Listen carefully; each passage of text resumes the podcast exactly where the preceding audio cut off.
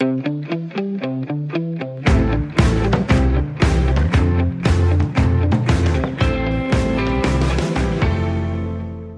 til Sportsugen på Radio 4, som øh, i dag sender for første gang på et nyt tidspunkt. Fremover er vi i din radio hver torsdag fra 11.05 til 12. Og bare rolig, Claus Elgaard, han er ikke forsvundet, han er bare på ferie.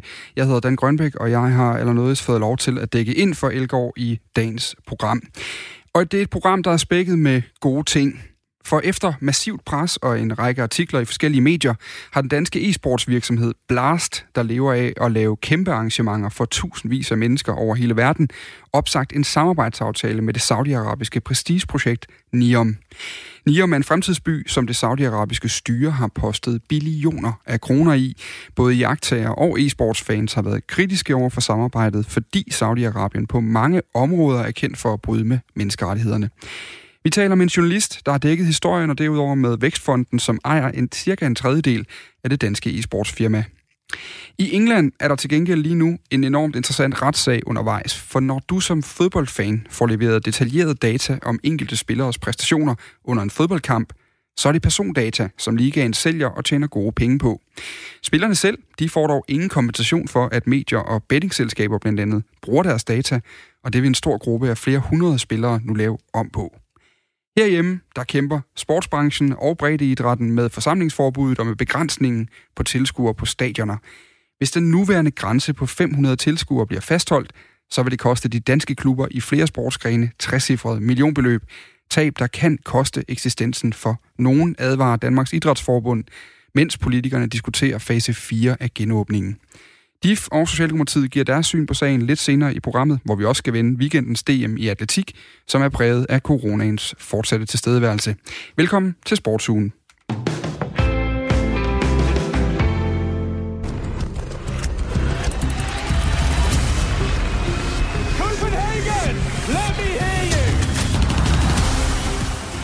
Når det danske e-sportsfirma Blasts mega-events løber af stablen verden over, så er det med verdens bedste Counter-Strike-spillere bag skærmene, tusindvis af solgte billetter, millioner i præmiepenge, stort lysshow og millioner af seere over internettet.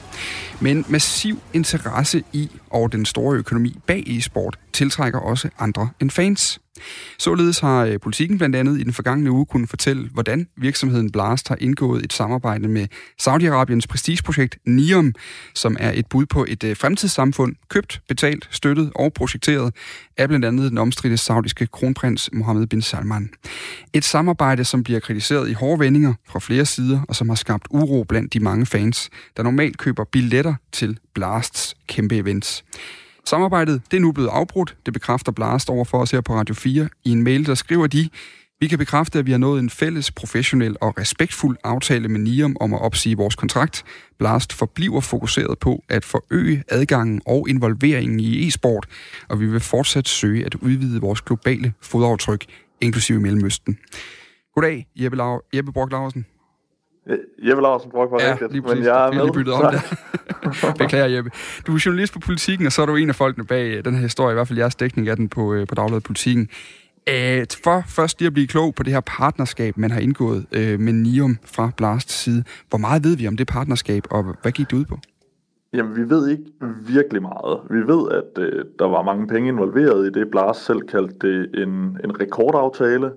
Øh, og så ved vi, at der var nogle tanker om, at Blast skulle hjælpe den her fremtidsby, det her fremtidsområde i Saudi-Arabien med at ligesom blive en, en, et centralt område for udviklingen af e-sport, og de skulle blandt andet også stå bag et talentakademi øh, for e-sport. Så det er jo sådan nogle meget generelle termer, hvad det i praksis, hvordan det i praksis vil blive udført, øh, det ved vi ikke øh, 100%. Hvad er øh, NIOM? Bare lige for at komme ind på det. Altså, jeg har jo allerede forklaret, at det er Saudi-Arabien, der ligesom står bag, men hvad er, øh, hvad er NIOM for, for noget, når man beskriver det som en fremtidsby? Jamen, det er jo et fuldstændig øh, vildt projekt. Det er Saudi-Arabien, som har investeret 500 millioner øh, dollars, eller vil investere 500 millioner øh, dollars, cirka 3 billioner, i at, øh, at udvikle øh, et landområde. Jeg mener, det er på størrelse med Belgien. Altså et stort landområde, øh, der grænser op til Jordan og Ægypten, øh, og, og ligesom skabe et fremtidigt idealsamfund, kan man sige. Altså, så det er meget højpandet. Der har været lægget øh, nogle af planerne om, at der skal være flyvende taxaer og øh, ansigtsgenkendelse overalt, og, og sådan en masse tanker, og samtidig så skal det også ligesom, øh, lyder det som, være en stat i staten i Saudi-Arabien med et andet øh, lovsæt end, end resten af landet og sådan noget.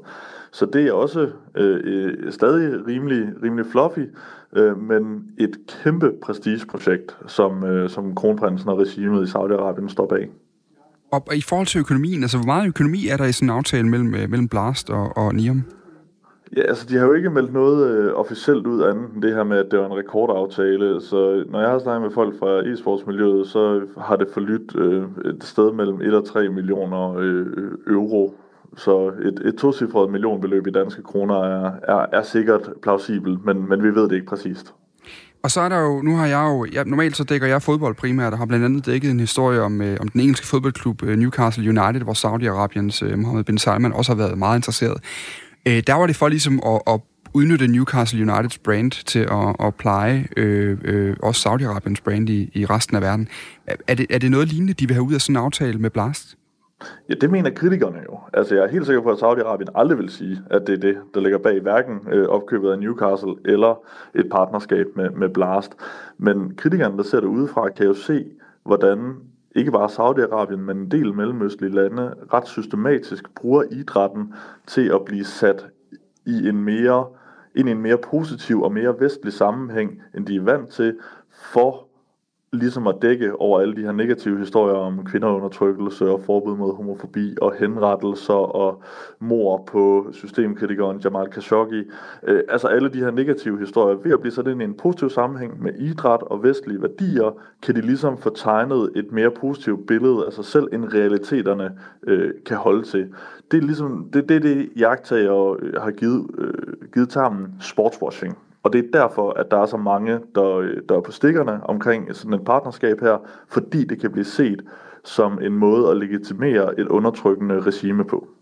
I den her øh, øh, offentliggørelse, man lavede aftalen på, øh, på, øh, fra Blasts side den 28. juli, hvor det ligesom kom frem, at man havde lavet aftalen med NIOM, der skriver man også om, at det skal være, kan være et centrum for fremtidens e-sport osv. Altså, der har jo været kraftige reaktioner, både blandt øh, menneskerettighedsforkæmpere og blandt fans i, i miljøet. Øh, for eksempel kan man inde på e-sportsmediet HLTV øh, se mange brugere kommentere i utrolig kritiske vendinger over for samarbejdet med NIOM. Vi har set det danske Counter-Strike-hold Astralis, som efterhånden er blevet allemands eje, være ude at sige, at de faktisk ikke er interesseret i at deltage i Blast Blasts turneringer, hvis man øh, opretholder det her, øh, det, her, det her partnerskab med NIOM. Hvorfor er det så kontroversielt, at hvad der jo dybest set er en privat virksomhed, laver en aftale med, med, med hvad nogen så vil kritisere for at være, være, øh, være et regime, som, som ikke overholder menneskerettigheder osv.? Jamen, jeg tror, man skal, skal se det på to dele af det. Altså, den ene del handler jo øh, om bevidstheden om, at de her stater bruger idrætten til, øh, altså bruger eller andre vil sige misbruger idrætten til at fremstille sig selv bedre, end man egentlig er. Det tror jeg egentlig ret mange reagerer på. Og den anden del, der tror jeg, man skal ind og se på, på selve e-sportens øh, natur, øh, og det, at vi i øvrigt også i andre idrætter som fodbold ser en større og større øh, fanaktivisme. Øh, men det, der er særligt ved e-sporten kontra en, en masse andre sportsgrene, er, at den har tradition for at være meget inkluderende. Altså øh, øh LGBT plus øh, personer er en, en integreret del af det samfund, og har altid været det. Så når man indgår et partnerskab med et land, der ikke tolererer øh, LGBT øh, plus personer, og sågar kan finde på at, at, at henrette dem, jamen så lige præcis i e-sportsmiljøet vil der komme meget, meget stærke reaktioner. Øh, Blast var jo ikke de eneste, der blev ramt af det. Der var også en arrangør af League of Legends øh, turneringer, som indgik et partnerskab med Nium. De stoppede det så bare i løbet af utrolig kort tid, fordi der var endnu stærkere reaktioner til at starte med, end der var øh, mod Blast. Lige til sidst, så er der jo også en, øh, en udover at, øh, at det er primært dansk ejet, når man kigger på CVR-registret, så er det, så er det primært øh, danske adresser, der står på ejerskabssiden. Så øh, er der også noget i forhold til, til den danske stat. Øh, hvad er forholdet der? Jamen, øh, da Blast ligesom var på vej frem, så en af de, øh, nogle af dem, der skød penge i det, det var, øh, det var den danske øh, finansieringsfond, øh, Vækstfonden. Så den danske stat ejer i omegnen af, af en tredjedel af, af Blast. Og det gør jo selvfølgelig, at der er noget ekstra særligt på spil, fordi på en eller anden måde, når der er vores allesammens penge i det, har man jo set udefra også et større samfundsmæssigt ansvar. Øh, og derfor er det jo... Øh, særligt interessant og genstand for særligt stor debat og kritik, når et delvis statsejet selskab indgår et partnerskab, som kan blive set øh, som legitimering af et, øh, et, et undertrykkende regime, som står for meget af det, vi kæmper imod i Danmark. Tak fordi du var med her øh, i programmet, Jeppe Larsen Brock. Det var så lidt. Nu også med efternavnen i rigtig rækkefølge. altså øh, journalist på øh, Politikken Sport, øh, som blandt andet har øh, dækket øh, den her historie. Og øh, vi går videre med lige præcis det sidste, vi talte med Jeppe Larsen Brock om, nemlig øh, linket til øh, den danske øh, statens finansieringsfond, øh, Vækstfonden, fordi den ejer cirka en tredjedel af det danske e-sportsfirma Blast, som jo blandt andet afholder nogle af klodens øh, største Counter-Strike-events. I sidste uge der mødte de så kritik, Blast, for at indgå det her partnerskab med det saudisk finansierede projekt NIOM, og nu har de altså som sagt øh, valgt at ophæve samarbejdet med NIOM. Det har vi fået bekræftet fra Blast selv her på Radio 4 øh, i løbet af øh, morgenen. Nu kan jeg sige øh, pænt goddag til øh, Rolf øh, Højgaard. Rolf Kærgaard, undskyld. Ja, øh, Rolf Kærgaard her. Hej. Ja, hej. Du er direktør i Vækstfonden. Det der med dit navn der i dag, det øh, har lavet, øh, det har lavet det gå ømt om tål. Hvad hedder det? Øhm, jeg kunne egentlig godt tænke mig at starte med, I, jo, I har jo noget involvering i, i Blast her. Hvilke, hvilke krav stiller Vækstfonden til de projekter, I investerer i? Når vi investerer i Vækstfonden, så gør vi det, som vi talte om før, på vegne af, af alle danskere. Øhm, og vi gør det med fokus på, at, at det skal gøre gang i dansk økonomi, så der skal komme arbejdspladser ud af det, der skal komme nye idéer, der skal komme øh, innovation ud af det. Og øh, det, øh, det betyder, at vi kigger på øh, forretningsmodeller, vi kigger på ledelsen, øh, vi kigger på konkurrencesituationen, vi kigger på økonomien i virksomhederne, og så kigger vi på den måde, hvorpå de driver deres virksomhed, øh, og lægger helt afgørende vægt på, at det skal være fokus på ansvarlighed. Øh, det skal være på en ordentlig måde, på en ansvarlig måde, mm. at virksomhederne de bliver drevet. Øh, så det indgår helt afgjort også i det, vi kigger på, når vi investerer i virksomheden. Og når I stadig har en ejerandel i Blast, så har I altså også øh, godt nok en, en mindre ejerandel, men stadig en, noget, skulle have sagt. Altså, hvordan stiller I jer i forhold til, at I har investeret i en virksomhed, der så øh, lavet et partnerskab med, med et saudiarabisk øh, fremtidsprojekt?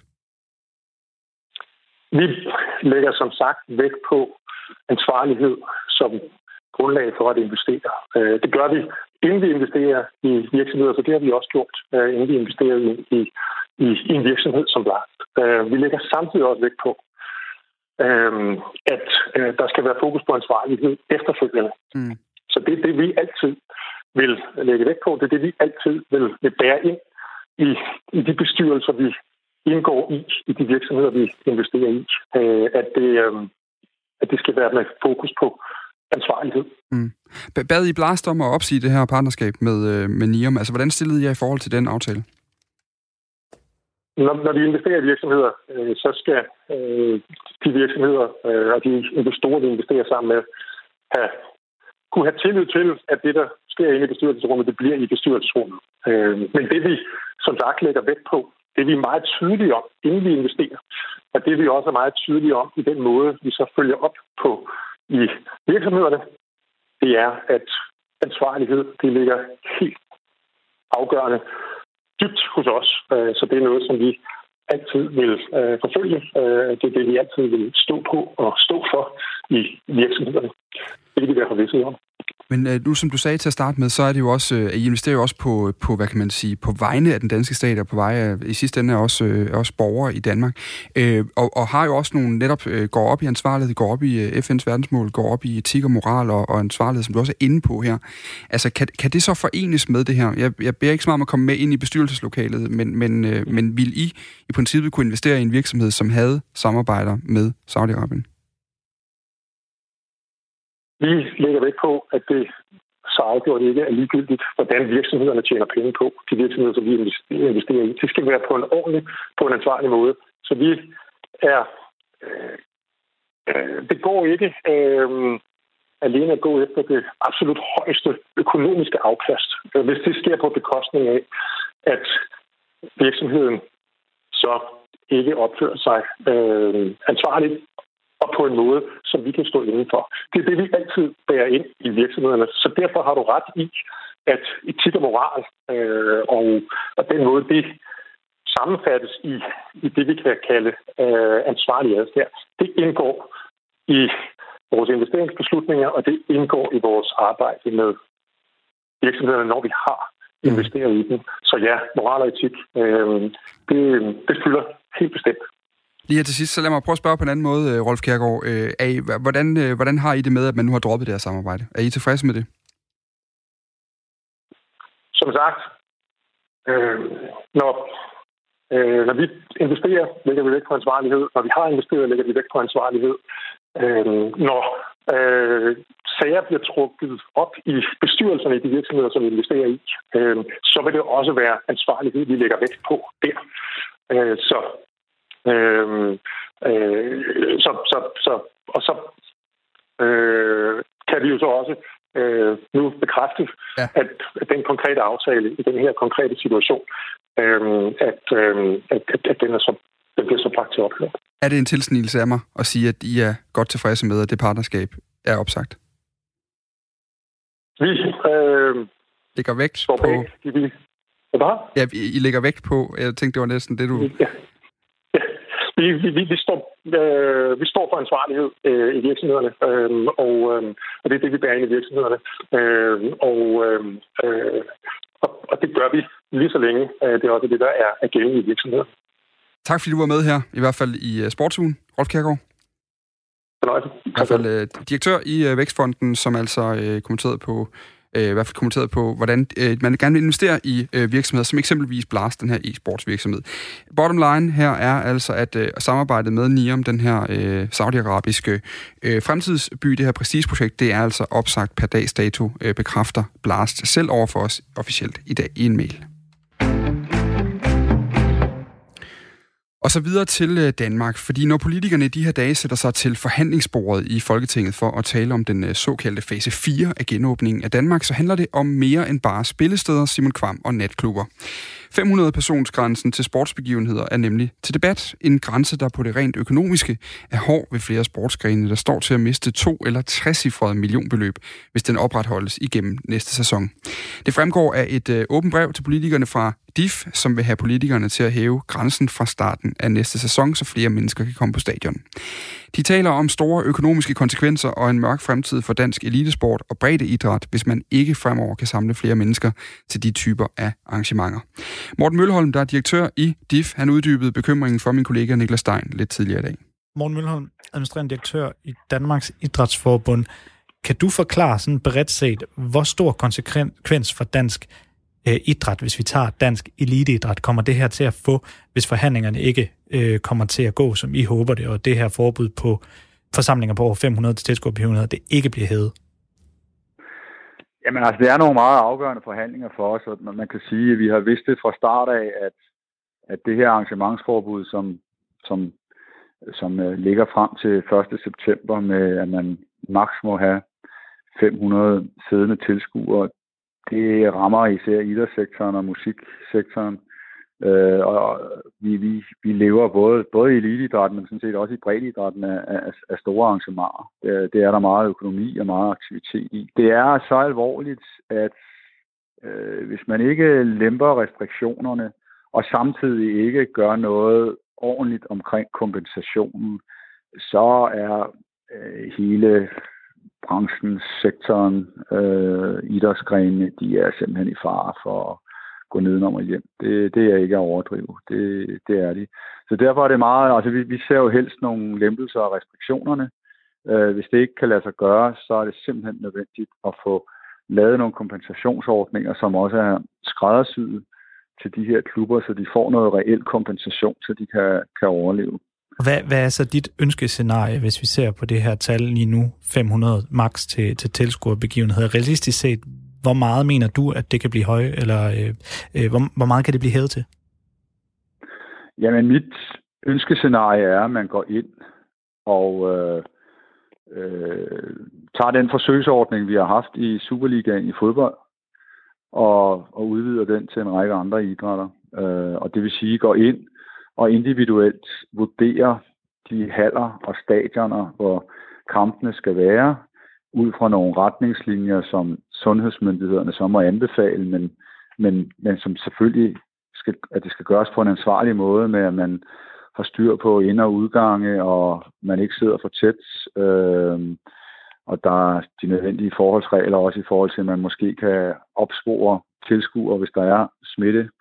Øh, alle sådan nogle ting vil vores klubber og forbund som arrangører være i stand til, og skal være i stand til. Og hvis de kan det, så vil jeg mene, at så er der mulighed for at øh, lave nogle ordninger, hvor man øh, går ind og øger tilskuerkapaciteten og håndterer det. Vi har i hvert fald oplevet her i løbet af sommeren, hvor vi har haft forsøgsordninger på øh, omkring Superliga-fodbold, men der er det lykkes.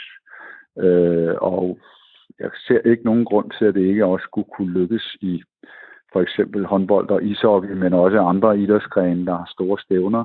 Øh, også fordi, at hvis du tager sådan noget som håndbold, altså det er, det er en tilskuerskare, der, der også er forholdsvis nem at styre. Det, øh, det, det er jo ofte det, det er jo en familieidræt, øh, så, så det er, og det er jo heller ikke en idræt, hvor man nødvendigvis står hele tiden op og, og råber. Det er, det er, det er siddende tilskuere og så videre, så, så det er erfaringen, at det er, det er forholdsvis nemt at styre. Så, så, så, så tag de her nuancerede øh, beslutninger omkring, hvad det er, der reelt skaber smittespredningen, og så få, lad os arbejde ansvarligt med det øh, ud fra nogle retningslinjer. Det, det er vores ønskescenarie. Hvis det så ikke lykkes, fordi folk er for bange for i den nuværende situation øh, at lempe øh, øh, loftet for, for, for tilskuere, jamen så er det klart, at så, så vil vi arbejde meget, meget hårdt for,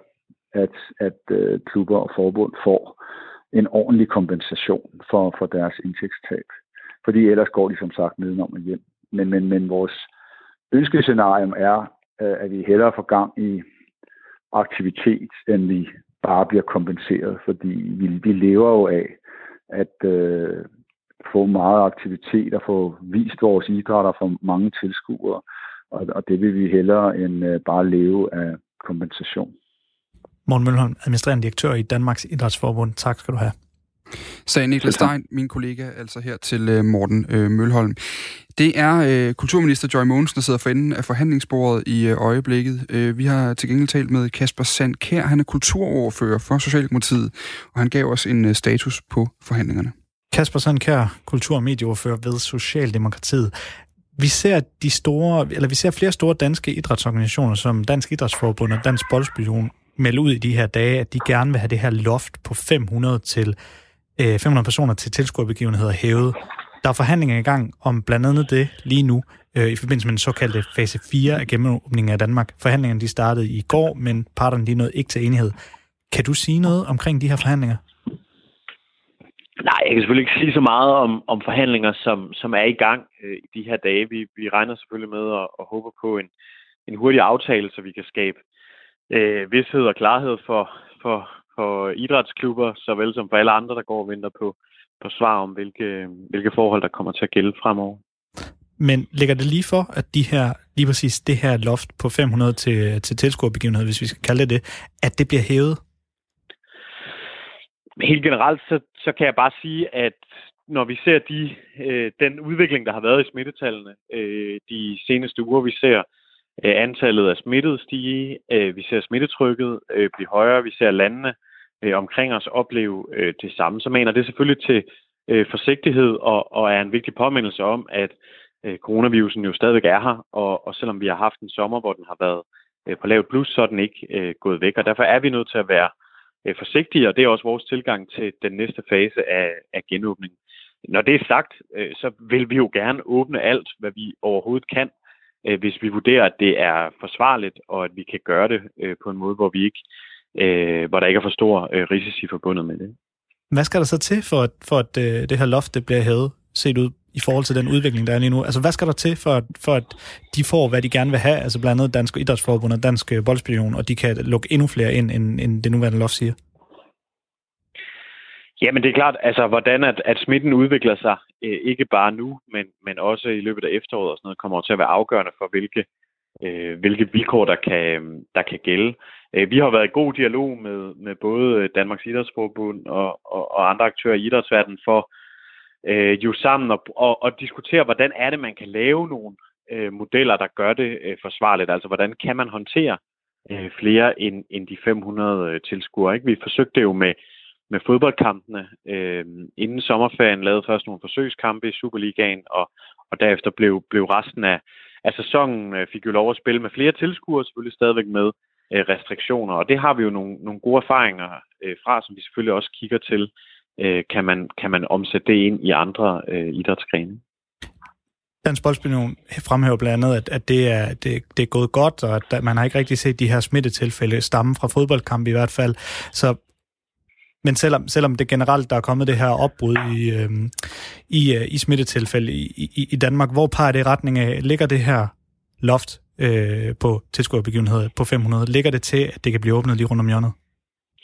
Jamen, det er jo noget af det, vi, vi drøfter ved forhandlingsbordet sammen med, med, med de andre partier, og det, det synes jeg ikke vil være, øh, vil være rettidigt af mig at, at, at, at kommentere på igangværende forhandlinger. Altså, vi regner med, øh, vi jo forhåbentlig allerede i, i løbet af den her uge ikke, kan, kan, kan give nogle svar på, hvordan øh, situationen øh, kommer til at se ud. Og så øh, er næste skridt jo øh, at, at så finde ud af, jamen de steder, der ikke kan få lov at åbne, eller der, hvor der fortsat vil være, øh, være, være restriktioner, som betyder, at, at, at man måske har et indtægtstab fra, fra entréindtægter og andet. Ikke? Der må vi jo så finde ud af, hvordan er det, vi kan kompensere øh, klubber og aktører øh, bedst muligt for, øh, for de tab.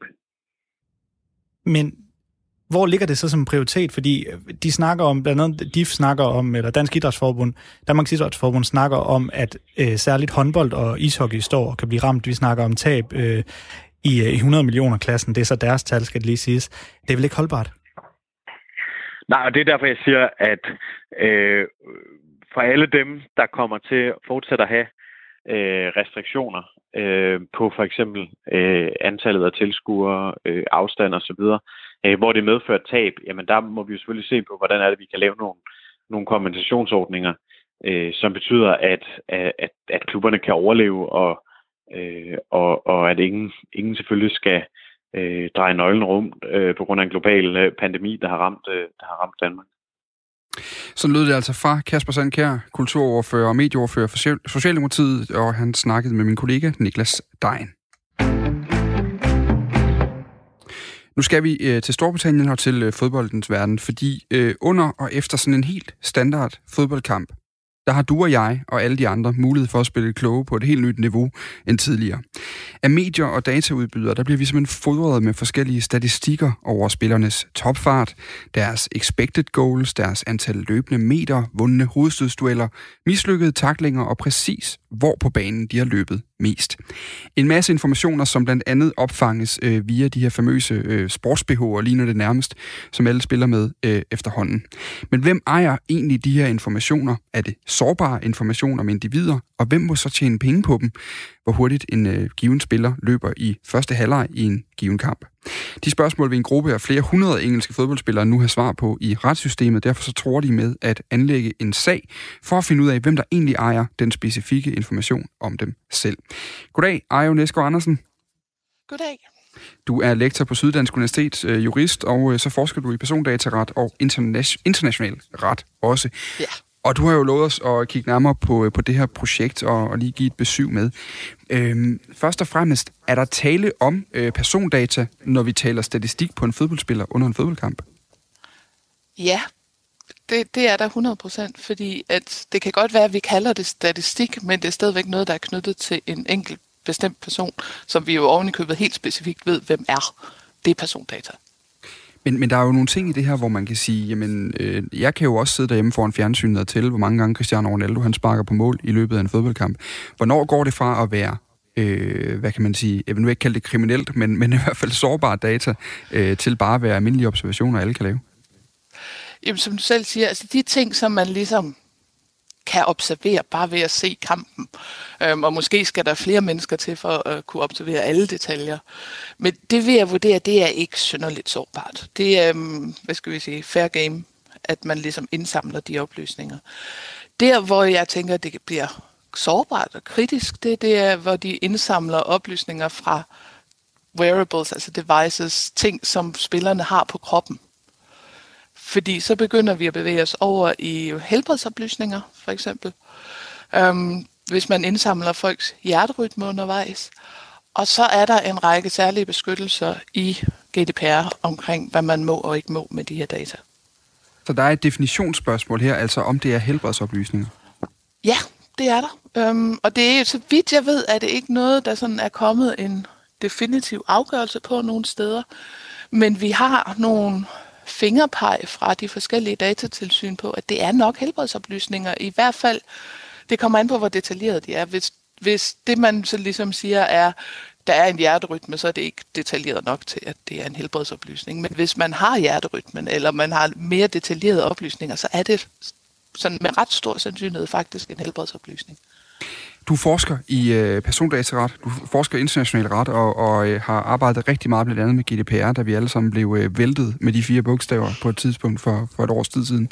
Øhm, altså, hvor interessant er den her sag, de engelske fodboldspillere øh, regner med at anlægge?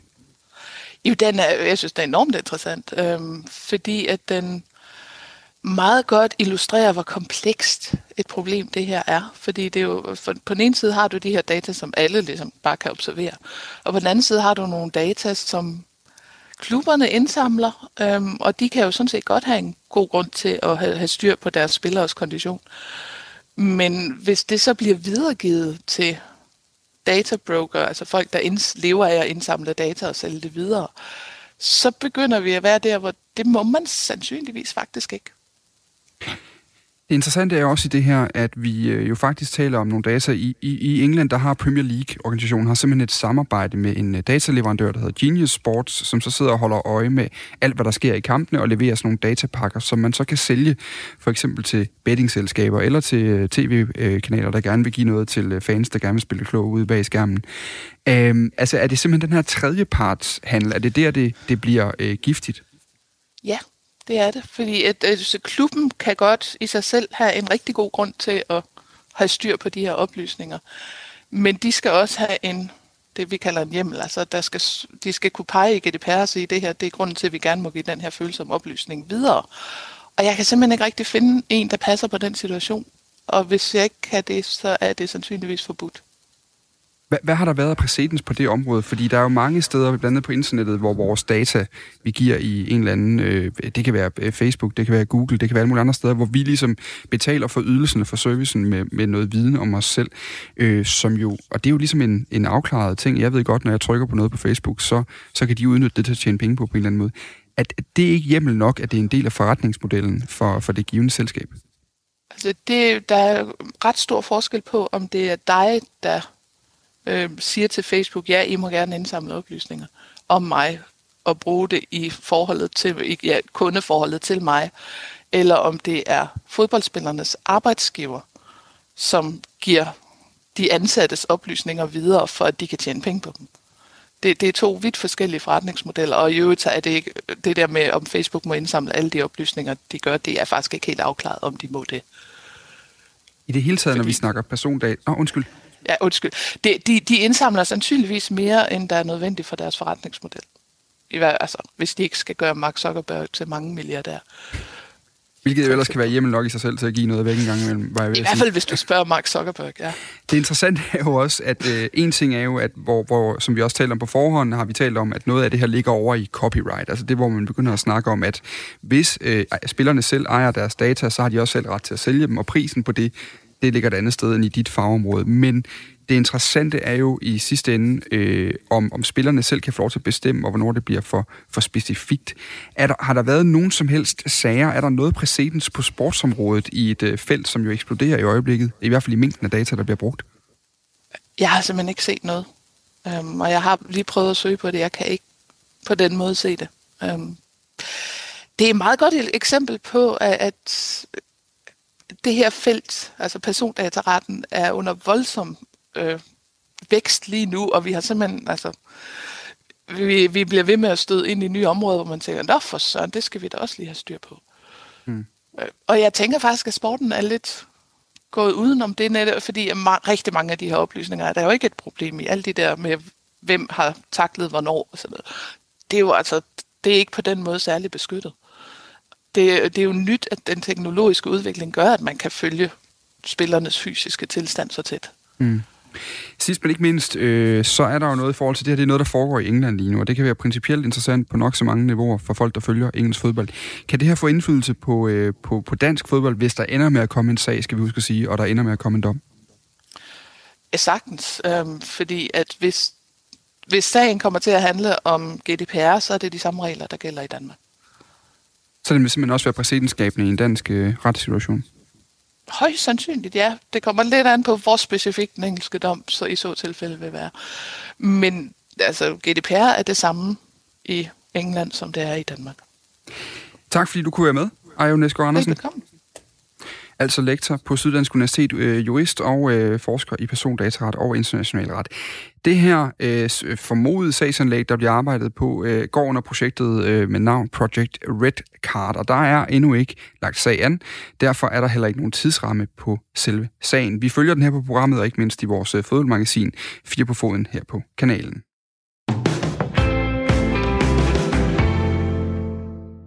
I weekenden, der skydes årets danske mesterskaber i atletik udendørs i gang. Egentlig så skulle det have været afholdt i Odense i juni måned, men corona og de medfølgende konsekvenser i forhold til afspritning, pladskrav og så videre har rykket de udendørs Danmarksmesterskaber til Østerbro og Atletikklubben Sparta. En af dem, som særligt mange nok skæver mod ved DM, er den 29-årige diskoskaster Katrine Bebe, som allerede har slået den danske rekord fire gange inden for det seneste kalenderår. Tidligere dag talte jeg med Carsten Bumme, han er landstræner i kast for blandt andre Katrine Bebe, og så sidder han også i elitestaben i Dansk Atletikforbund, for uden at han er ansat i Atletikklubben Sparta, som afholder Danmarksmesterskabet på Østerbro Stadion i weekenden. Carsten Bumme, han fortæller om et øh, anderledes DM på grund af corona, Katrine Bebes OL-chancer, og ikke mindst, hvad man skal holde øje med som atletikinteresseret ved weekendens mesterskaber. Det er klart, at, at det har været meget specielt i år, og øh, vi har jo fra øh, elitestabens side i, i forbundet øh, hele tiden skulle justere i forhold til, hvad kan lade sig gøre i år, hvad kan ikke lade sig gøre, og, og vi har øh, egentlig ret tidligt haft en plan om, at vi vil, vi vil rigtig gerne øh, se, om vi ikke kan gennemføre et dansk mesterskab, da der, der ikke har været så meget andet. Øhm, og det er jo svært øh, i alle sportsgrene, det her med at, at træne og træne og træne og knokle ud af, og så er der ikke rigtig noget, øh, nogen konkurrencer. Så det er klart, at, at øh, i år øh, er det nok lidt særligt med DM, fordi det, det er jo for, for alle det, det største i år. Øh, bortset fra, at der er nogle enkelte Diamond Leagues, hvor nogle af de allerbedste øh, har mulighed for at deltage. Men ellers er der ikke så meget andet. Det, er, det har været svært at finde stævner generelt. Betyder det, at DM så bliver prioriteret højere for, for os for de allerbedste udøvere? Så vidt jeg kan se på startlisterne, så er, er, er det rigtig godt øh, besat med, med de bedste atleter. Øh, øh, generelt øh, er det jo sådan, at, at alle egentlig gerne, eller alle prioriterer egentlig et dansk mesterskab. Så selvom man har vundet dansk mesterskaber tidligere, så er et dansk mesterskab jo et dansk mesterskab, og det er, det er noget særligt.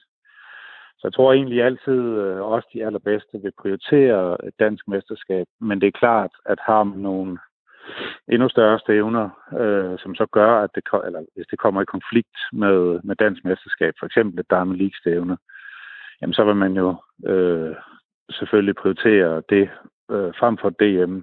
Øh, så, så om der er den store forskel i år, øh, det vil sige, det, det er der måske nok, i og med at der så ikke er så meget andet, så, så profilerne er her i hvert fald, og, og vi har også kunne se sådan på, eller det, det har været sådan i år, at vi har blevet nødt til at begrænse deltagerantallet, og ligesom kunne, eller fra forbundets side har de, øh, så de har kunne styre, hvor mange vi ligesom må være i forhold til at overholde øh, alle de her regler, der er sat op. Øh, Øh, så derfor har vi også kunne se på de sociale medier, at der faktisk har været lidt, lidt uh, diskussion om, eller, eller rift om, at komme med til DM, og folk har sådan søgt stævner, så de, så de har kunnet kvalificere sig til DM. Så på den måde har det haft en, en interessant effekt, kan man sige. Og det, der jo også er det, det er enormt spændende øh, ved dig, det er jo, at du netop, som du siger, du er også træner i kast, og træner blandt andet en, øh, en, 29-årige Katrine Bebe, som jo øh, det seneste år har trukket overskrifter for at først sætte en ny Danmarksrekord efter, jeg mener, du var 23 år efter den, den, den tidligere, og derudover slå den selv øh, tre gange i løbet af det, det seneste kalenderår. Hvad er det, der er sket med, med Katrine Bebe over det sidste år? Ja, altså man kan sige, at de, de er jo to piger. Altså sidste år satte øh, Bebe, øh, altså Katrine Bebe, dansk rekord, som har stået siden øh, 96, tror jeg det var. Og så en måned senere, øh, hendes træningskammerat Lisa Brix Petersen øh, slog den så øh, øh, på, med 57 meter. Øh, og Katrine Bebe har så øh, virkelig kommet, som du siger, kommet stærkt igen i år og har sat øh, dansk rekord øh, afskillige gange. Og har vist virkelig stor stabilitet og har kastet, øh, eller haft stævner, øh, fem stævner over 59 øh, meter nu, så det, det er helt fantastisk.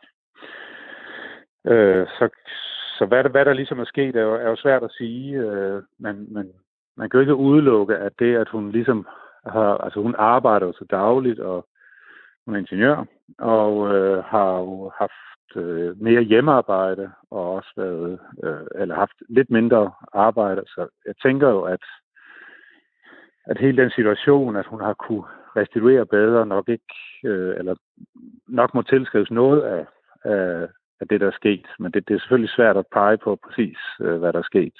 Øh, generelt har hun haft øh, øh, god fokus, hun har holdt motivation hele vejen, og hun har øh, også rykket sådan, både, ja, både teknisk og fysisk, vil jeg sige, at hun har, en fremgang.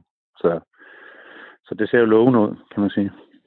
Og det, det ser jo også, øh, det her DM kan jo også, øh, for mange der er det jo også muligheden for at vise, hvad, hvad man kan, og det er jo også øh, et, et skridt øh, på vejen mod et mål, der hedder OL til, til næste år, det her OL i Tokyo, som blev, blev rykket til 21. Hvor, hvor tæt er Katrine Bebe for eksempel på at kunne, øh, kunne nå kravene til det? Ja, altså der, der er jo sådan øh, to måder for nogle år siden lavede de sådan skærpet øh, OL-krav. Øhm, så hvis man tager de, det forrige OL-krav, så, så hedder det 61 meter til direkte krav, og så fylder man så op til 32 antal, eller antal på 32 øh, fra hele verden.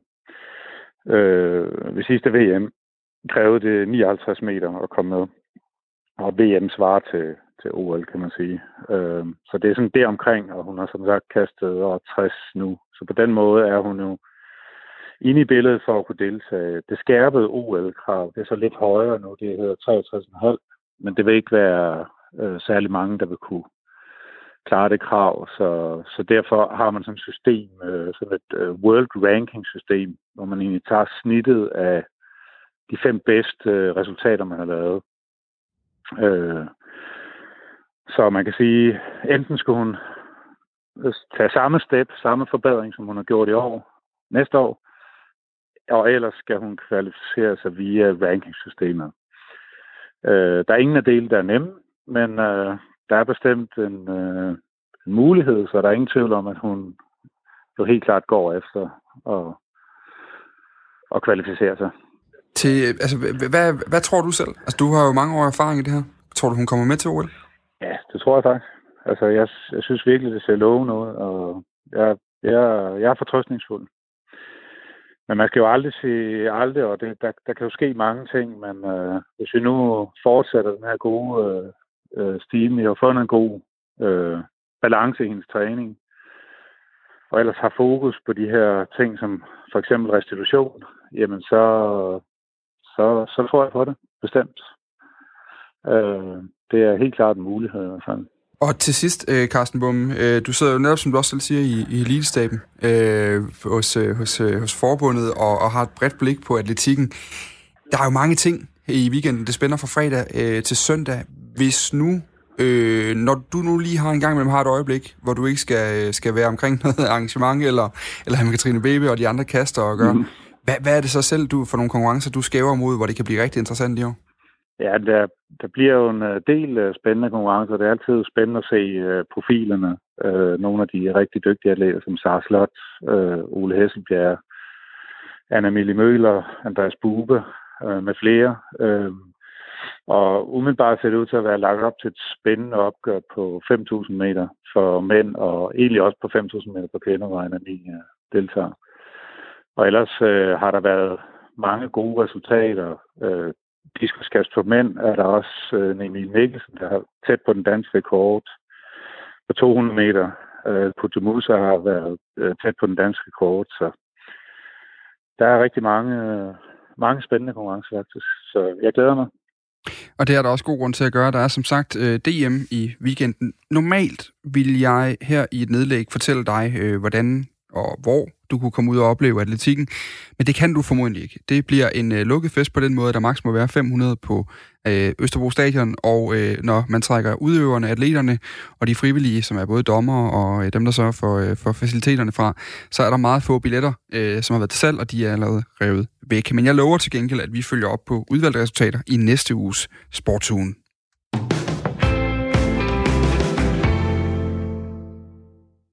Dansk Idrætsforbund og Dansk Ishockey Union har meldt ud, at dansk ishockey står til at miste over 100 millioner kroner, hvis ikke loftet på 500 personer til tilskuerbegivenheder bliver hævet.